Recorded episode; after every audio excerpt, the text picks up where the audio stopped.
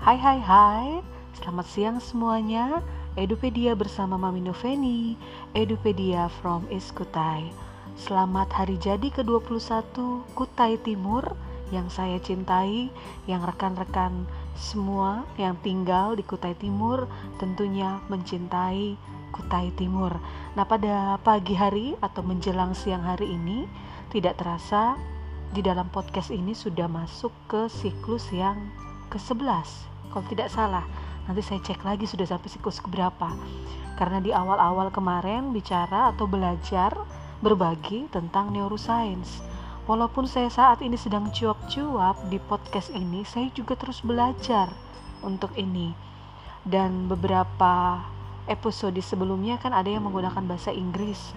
Bukannya sok-sokan ya teman-teman tetapi terus uh, mau belajar supaya pendengar saya juga tidak cakupan hanya orang Indonesia, tetapi juga kepada rekan-rekan yang ada di luar Indonesia. Walaupun saya tahu bahasa Inggris saya sangat-sangat belepotan, tapi saya berharap di situ saya lihat di analistik itu ada dari eh, Ceko, ada dari Amerika, ada dari Inggris, ada dari Singapura. Saya harap teman-teman yang sudah setia mendengarkan podcast saya bisa terus mendukung saya atau juga mungkin mensupport saya agar terus menyampaikan informasi yang berhubungan dengan pendidikan dan pembelajaran. Di luar sana dari dini hari tadi, hujan membasahi tanah Kutai Timur, di mana sudah sekitar ya tiga hari ini memang kami memasuki musim penghujan. Indonesia kan ada dua musim, musim kemarau dan musim hujan dry season dan rainy season. Dan pada hari ini kita tidak jauh-jauh dengan pembahasan kita di dalam neuroscience. Semakin belajar ini semakin tahu, oh ini yang akan saya lakukan kepada anak saya. Mungkin teman-teman ada yang menjadi seorang guru, ini yang akan saya lakukan kepada guru. Uh, sorry, kepada siswanya. Kita akan melihat neuroscience hubungannya dengan siklus pikiran, siklus tubuh dan otak. Oke, pikiran dan tubuh kita ternyata memiliki siklus yang sesuai dengan siklus bulan. Wow, berapa berapa bulan atau berapa jam? Ternyata siklus bulan itu ada 25 jam dan matahari 24 jam. Nah, itu yang terjadi. Mohon maaf ada suara-suara bunyi bukaan pintu ya. Kebetulan anak saya membuka pintu jadi akhirnya terdengarlah suara-suara latar latar hujan rintik hujan rinai hujan latar pintu latar orang sedang merenovasi. Saya berusaha untuk pengen mengedit sebenarnya podcast ini ya tapi karena ya sudahlah apa adanya yang memang uh, real waktu saat perekaman supaya memang tahu kondisinya seperti itu. Kemudian pikiran dan tubuh kita itu selain memiliki atau menyesuaikan dengan siklus bulan 25 jam, kita juga menyesuaikan dengan siklus matahari 24 jam. Wow, keren ya. Kemudian tekanan darah kita itu berubah. Bagaimana dengan Anda? Sering mengukur tensi kan? Bagaimana tensi kita? Ternyata kondisi tekanan darah kita itu mengalami perubahan sesuai dengan apa? Perubahan suasana hati, tekanan darahnya, konsentrasinya, laju denyut jantung, ingatan, dan kemampuan belajar dipengaruhi oleh siklus bulan dan matahari. Kalau masih penasaran, nanti kita akan lanjutkan atau Anda silakan cari di mesin pencarian atau kepada orang-orang yang memang expert atau ahli di dalam bidang ini. Kemudian untuk siklus pikiran, siklus tubuh dan otak ini berhubungan dengan pernafasan kita. Kita bernafas berapa kali dalam semenit? 15 kali. Mungkin gak kelihatan ya cara menghitungnya bagaimana, tapi ini sudah dilakukan oleh para ahli. Dan pada umumnya kita bernafas melalui satu lubang hidung selama 3 jam Kemudian setelah jaringan hidung yang sebelahnya mengembang, kita berganti ke, ke lubang hidung satunya. Wow, ini informasi yang baru buat kita semua bahwa bisa merasakan irama, bisa merasakan pernafasan, bisa merasakan uh, denyutan. Nah, untuk jantung kita berdenyut semua pasti tahu ketika kita menghitung berapa denyut nadi kita, jantung kita berdenyut satu kali per detik dan untuk mata kita kita berkelip, berkedip ber, bukan berkelip ya berkedip 5 sampai 15 kali selama satu menit dan kemudian irama listrik yang ada di otak kita terjadi 1 sampai 25 kali per detik. Ada hormon yang dilepaskan ke dalam aliran darah kita setiap 2 sampai 4 jam sekali dan itu ternyata sangat mempengaruhi fungsi otak kita. Bahkan peneliti mengatakan bahwa ketika hormon ini dilepaskan, itu akan berpengaruh pada penggunaan belahan kiri dan kanan otak kita. Nanti di pertemuan berikutnya kita belajar gerakan lateral atau menyilang. Nah, biasanya kan kalau e, mengikuti satu pelatihan-pelatihan, mengikuti satu diklat, e, WI-nya Widya Iswara atau tutor atau instrukturnya ada icebreakernya. Biasanya dia menggunakan gerakan-gerakan lateral atau menyilang untuk memberikan konsentrasi kepada kita atau peserta supaya bisa lebih konsentrasi, bisa lebih fokus dalam proses pelatihan atau pembelajaran. Dan ternyata itu berpengaruh kepada hormon pada otak kita belahan kiri. Oke, teman-teman. Kemudian ketika kita juga tidur ya, ketika kita tidur ternyata siklus tidur kita dan siklus ketika kita terjaga itu memang berlangsung terus-menerus selama kehidupan kita. Biasanya bagian tengah siklus tidur kita ini tercermin dari 12 jam sesudah atau sesudah periode mengantuk. Nanti coba hitung kalau nggak hitung punya kita, pribadi kita kita hitung anggota keluarga kita masing-masing. Antara pukul 9 pagi dan 11 pagi, otak 15 kali lebih efisien.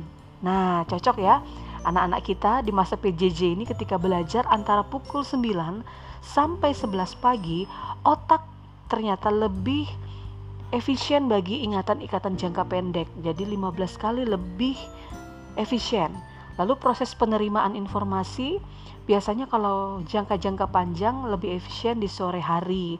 Nanti saya akan menyampaikan informasi siklus ini karena sangat penting sekali buat kita pelajari sehingga mama-mama, bunda-bunda, mama, umi-umi yang sedang mendampingi anak-anaknya belajar di masa di masa ya di masa PJJ ini bisa tahu bagaimana supaya mereka mengingat. Ingat lagi cerita dari tante Lala yang lagi viral kemarin kan? Bagaimana dia menghafal atau dia menyuruh mendampingi anaknya menghafal, dia melakukannya itu di malam hari. Ya. Nah, apakah pembelajarannya itu efektif? ya awal malam atau udah malam banget karena ketika pemahaman kalau misalkan tengah malam atau menjelang jam 10 jam 8 nanti kita akan melihat ada penurunan di dalam proses pembelajaran siklus kita nah kemudian otak kita juga memiliki siklus relaksasi dan siklus energi Pembelajaran yang paling baik terjadi dengan siklus aktif dan tidak aktif harus berkisar dari 5 sampai 20 menit. Biasanya tergantung kepada anak kita ketika dia fokus dalam proses pembelajaran. Dan ketika dia tidak aktif, itu harus berkisar dari 2 sampai 5 menit. Nah, ini nanti coba saya bagikan ya siklus pikiran dan siklus tubuh kita yang berhubungan dengan ingatan-ingatan kita sampai bagaimana kita belajar atau memahami literasi dalam kecepatan membaca. Ini penting sekali buat rekan-rekan guru terutama dan juga buat orang tua wali murid yang sedang mendengar atau siapa pun ini yang konsen dengan pendidikan apalagi di negara kita kan tahun depan sudah tidak ada ujian nasional. Lalu diterapkanlah asesmen kompetensi minimum survei karakter dan survei lingkungan belajar. Ini sangat penting sekali buat kita untuk memahami.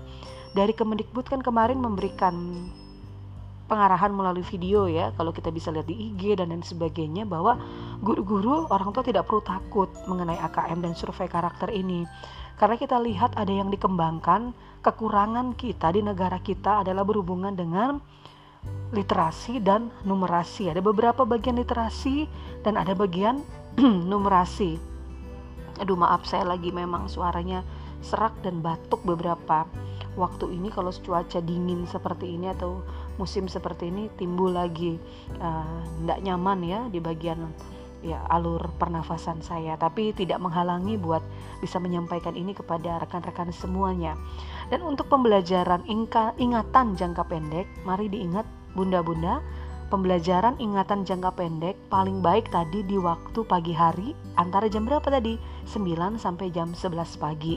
Silakan ketika Anda memberikan hafalan-hafalan kepada anak mungkin atau pembelajaran-pembelajaran yang membutuhkan ingatan jangka pendek ternyata paling baik dilakukan di pagi hari.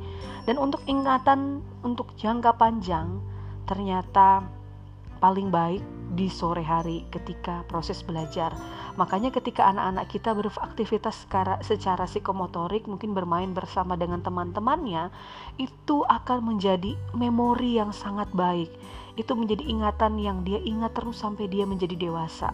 Makanya ketika dia bermain di sore hari, ya usahakan kita juga memberikan waktu kepada dia untuk bersosialisasi dengan temannya sehingga membangkitkan memori-memori indah dia dengan teman-temannya dan ia akan ingat terus sampai dia dewasa.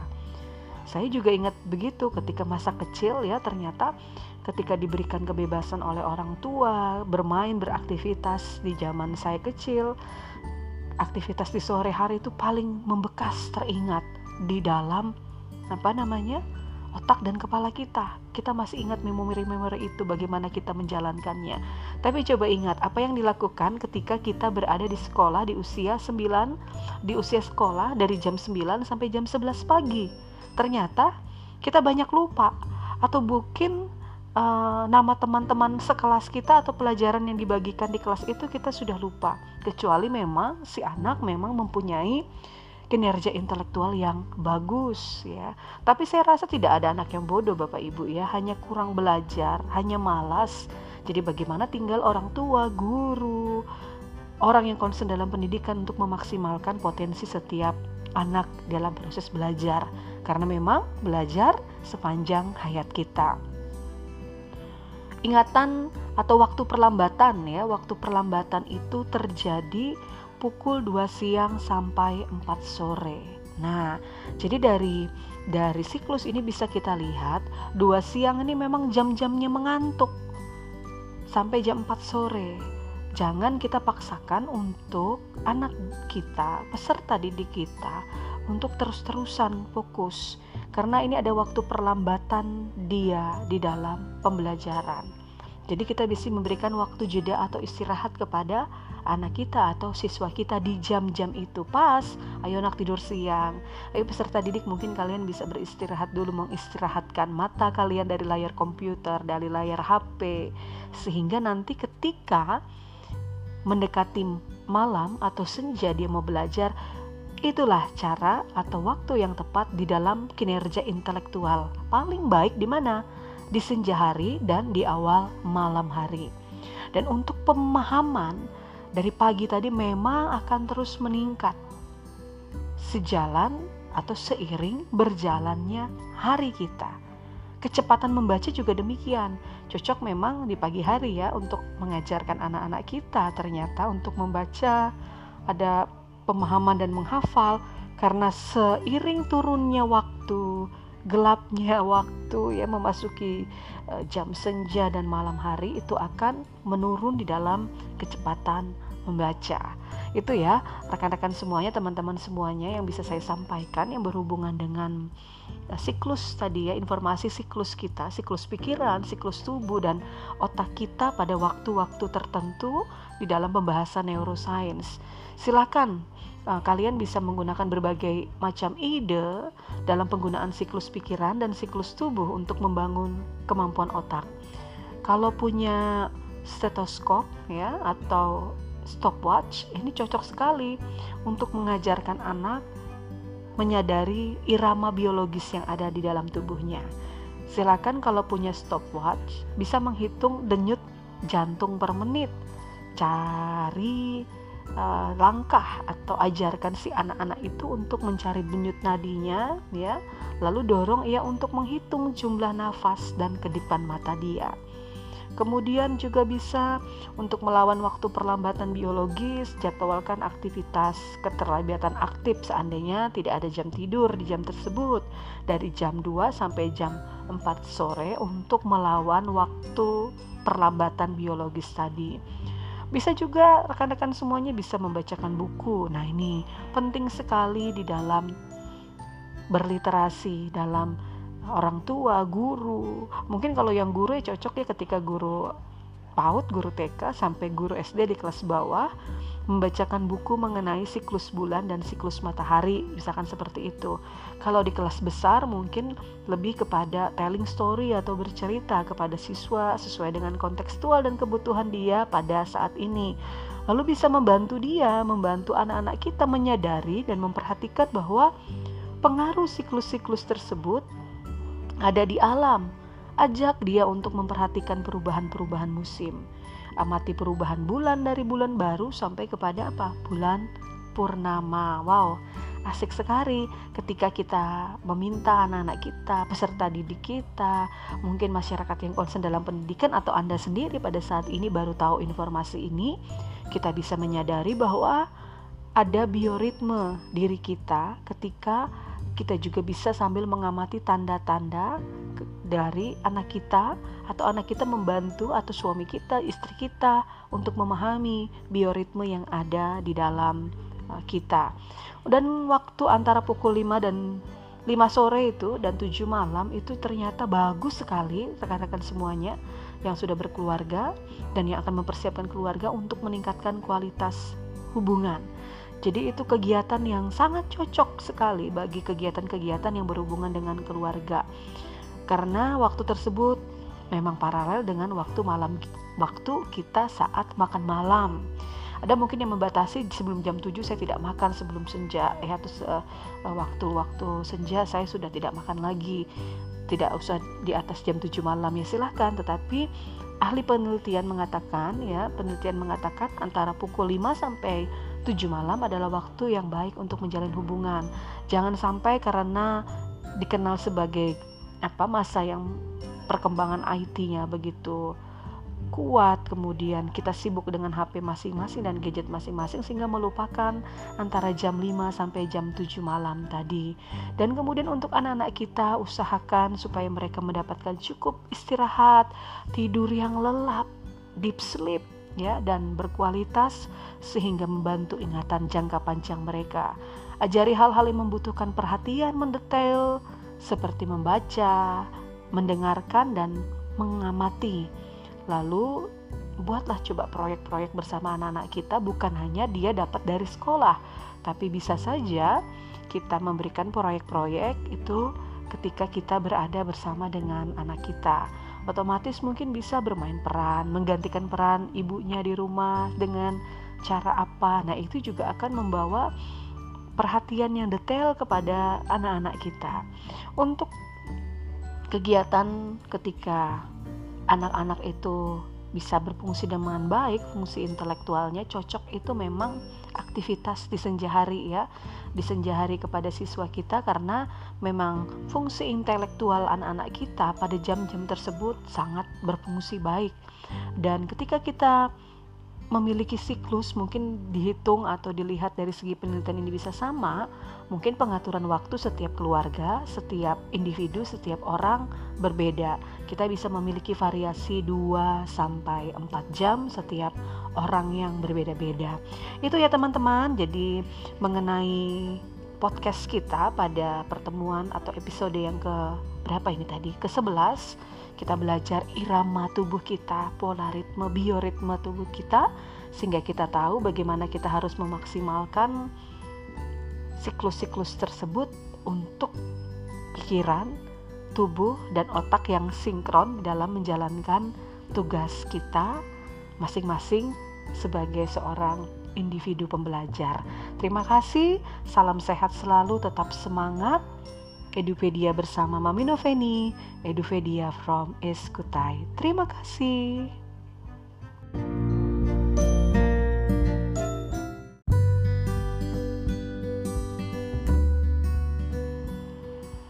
Hai hai hai, selamat siang semuanya. Edupedia bersama Mami Noveni, Edupedia from Iskutai.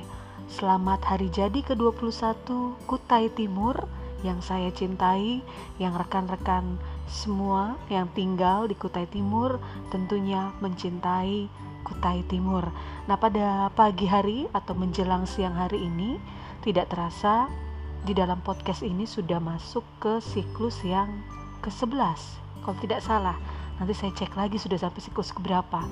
Karena di awal-awal kemarin bicara atau belajar berbagi tentang neuroscience walaupun saya saat ini sedang cuap-cuap di podcast ini saya juga terus belajar untuk ini dan beberapa episode sebelumnya kan ada yang menggunakan bahasa Inggris bukannya sok-sokan ya teman-teman tetapi terus uh, mau belajar supaya pendengar saya juga tidak cakupan hanya orang Indonesia tetapi juga kepada rekan-rekan yang ada di luar Indonesia. Walaupun saya tahu bahasa Inggris saya sangat-sangat belepotan, tapi saya berharap di situ saya lihat di analistik itu ada dari uh, Ceko, ada dari Amerika, ada dari Inggris, ada dari Singapura. Saya harap teman-teman yang sudah setia mendengarkan podcast saya bisa terus uh, mendukung saya atau juga mungkin mensupport saya agar terus menyampaikan informasi yang berhubungan dengan pendidikan dan pembelajaran. Di luar sana dari dini hari tadi, hujan membasahi tanah Kutai Timur, di mana sudah sekitar ya tiga hari ini memang kami memasuki musim penghujan. Indonesia kan ada dua musim, musim kemarau dan musim hujan dry season dan rainy season. Dan pada hari ini kita tidak jauh-jauh dengan pembahasan kita di dalam neuroscience. Semakin belajar ini semakin tahu, oh ini yang akan saya lakukan kepada anak saya. Mungkin teman-teman ada yang menjadi seorang guru, ini yang akan saya lakukan kepada guru. Uh, sorry, kepada siswanya. Kita akan melihat neuroscience hubungannya dengan siklus pikiran, siklus tubuh dan otak. Oke, pikiran dan tubuh kita ternyata memiliki siklus yang sesuai dengan siklus bulan. Wow, berapa berapa bulan atau berapa jam? Ternyata siklus bulan itu ada 25 jam dan matahari 24 jam. Nah, itu yang terjadi. Mohon maaf ada suara-suara bunyi bukaan pintu ya kebetulan anak saya membuka pintu jadi akhirnya terdengarlah suara-suara latar. Latar hujan rintik hujan rinai hujan latar pintu latar orang sedang merenovasi. Saya berusaha untuk pengen mengedit sebenarnya podcast ini ya tapi karena ya sudahlah apa adanya yang memang uh, real waktu saat perekaman supaya memang tahu kondisinya seperti itu.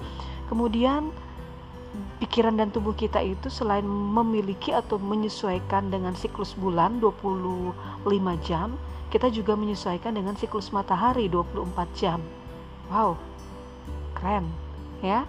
Kemudian tekanan darah kita itu berubah. Bagaimana dengan Anda? Sering mengukur tensi kan? Bagaimana tensi kita? Ternyata kondisi tekanan darah kita itu mengalami perubahan sesuai dengan apa? Perubahan suasana hati, tekanan darahnya, konsentrasinya, laju denyut jantung, ingatan, dan kemampuan belajar dipengaruhi oleh siklus bulan dan matahari. Kalau masih penasaran, nanti kita akan lanjutkan atau Anda silakan cari di mesin pencarian atau kepada orang-orang yang memang expert atau ahli di dalam bidang ini. Kemudian untuk siklus pikiran, siklus tubuh dan otak ini berhubungan dengan pernafasan kita. Kita bernafas berapa kali dalam semenit? 15 kali. Mungkin gak kelihatan ya cara menghitungnya bagaimana, tapi ini sudah dilakukan oleh para ahli.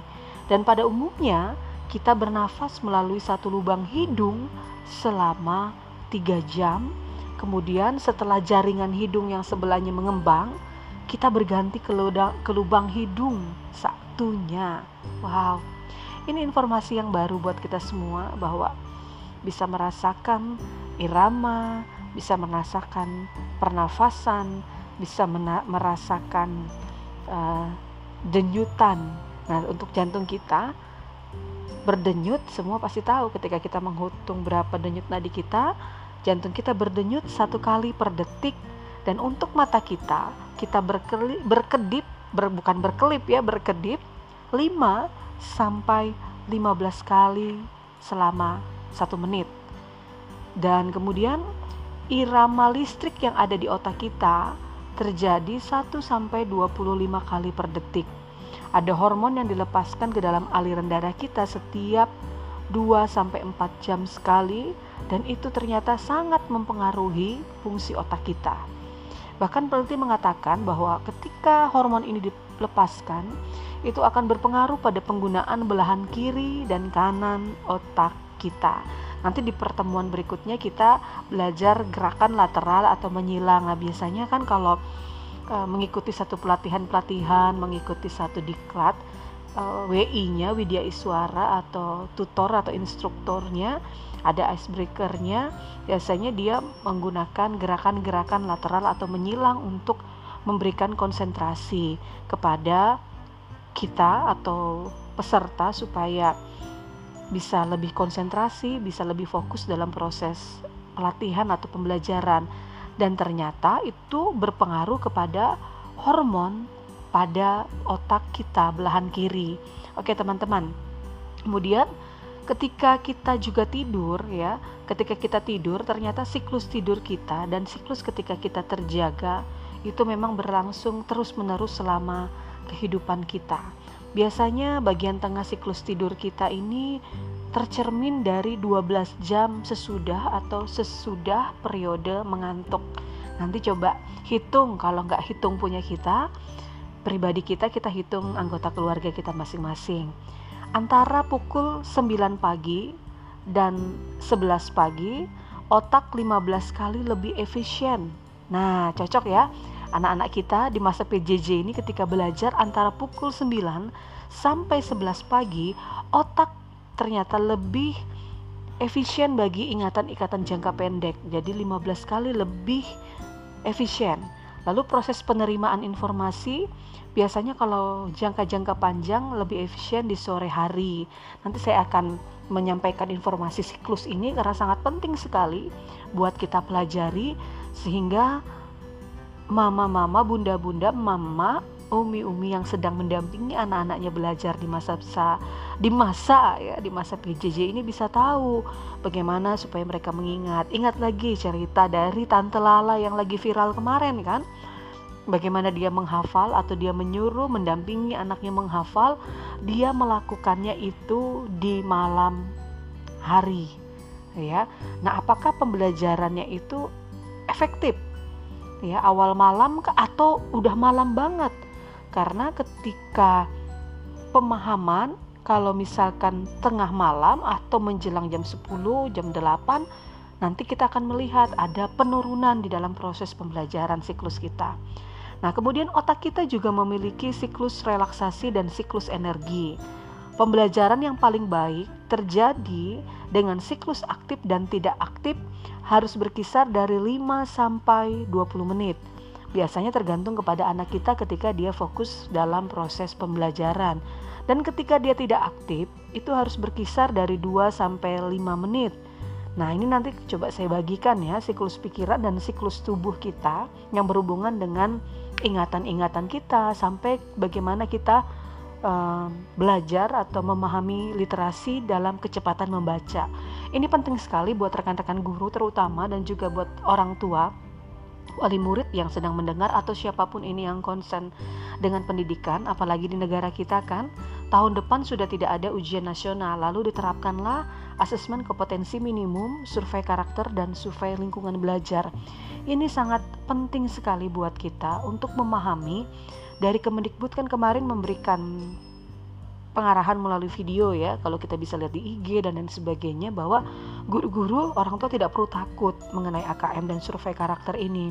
Karena kita lihat ada yang dikembangkan kekurangan kita di negara kita adalah berhubungan dengan literasi dan numerasi. Ada beberapa bagian literasi dan ada bagian numerasi. Aduh maaf saya lagi memang suaranya serak dan batuk beberapa waktu ini kalau cuaca dingin seperti ini atau musim seperti ini timbul lagi tidak uh, nyaman ya di bagian ya alur pernafasan saya tapi tidak menghalangi buat bisa menyampaikan ini kepada rekan-rekan semuanya dan untuk pembelajaran ingatan jangka pendek mari diingat bunda-bunda pembelajaran ingatan jangka pendek paling baik tadi di waktu pagi hari antara jam berapa tadi? 9 sampai jam 11 pagi. Silakan ketika Anda memberikan hafalan-hafalan kepada anak mungkin atau pembelajaran-pembelajaran yang membutuhkan ingatan jangka pendek ternyata paling baik dilakukan di pagi hari. Dan untuk ingatan untuk jangka panjang ternyata paling baik di sore hari ketika proses belajar. Makanya ketika anak-anak kita beraktivitas secara, secara psikomotorik, mungkin bermain bersama dengan teman-temannya, itu akan menjadi memori yang sangat baik. Itu menjadi ingatan yang dia ingat terus sampai dia menjadi dewasa. Makanya ketika dia bermain di sore hari, ya usahakan kita juga memberikan waktu kepada dia untuk bersosialisasi dengan temannya sehingga membangkitkan memori-memori indah dia dengan teman-temannya dan ia akan ingat terus sampai dia dewasa.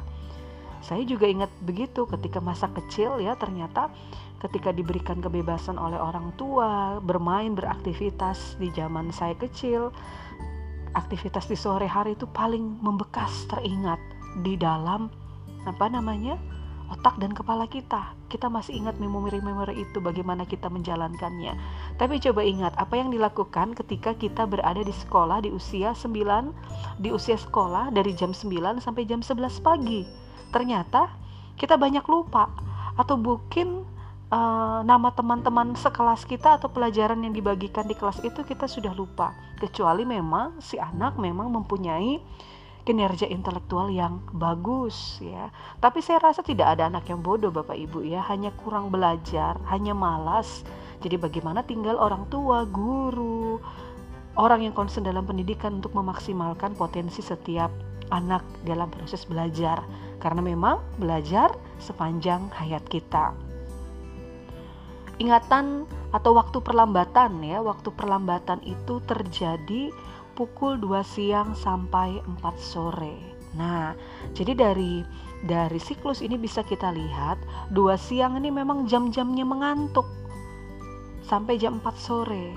Jangan kita paksakan untuk anak kita, peserta didik kita untuk terus-terusan fokus karena ini ada waktu perlambatan dia di dalam pembelajaran. Jadi kita bisa memberikan waktu jeda atau istirahat kepada anak kita atau siswa kita di jam-jam itu. Pas ayo nak tidur siang. Ayo peserta didik mungkin kalian bisa beristirahat dulu mengistirahatkan mata kalian dari layar komputer dari layar HP sehingga nanti ketika mendekati malam atau senja dia mau belajar itulah cara atau waktu yang tepat di dalam kinerja intelektual. Paling baik di mana? Di senja hari dan di awal malam hari. Dan untuk pemahaman dari pagi tadi memang akan terus meningkat. Sejalan atau seiring berjalannya hari kita. Kecepatan membaca juga demikian. Cocok memang di pagi hari ya untuk mengajarkan anak-anak kita ternyata untuk membaca. Ada pemahaman dan menghafal karena seiring turunnya waktu, gelapnya waktu ya memasuki uh, jam senja dan malam hari itu akan menurun di dalam kecepatan membaca. Itu ya, rekan-rekan semuanya, teman-teman semuanya yang bisa saya sampaikan yang berhubungan dengan uh, siklus tadi ya, informasi siklus kita, siklus pikiran, siklus tubuh dan otak kita pada waktu-waktu tertentu di dalam pembahasan neuroscience.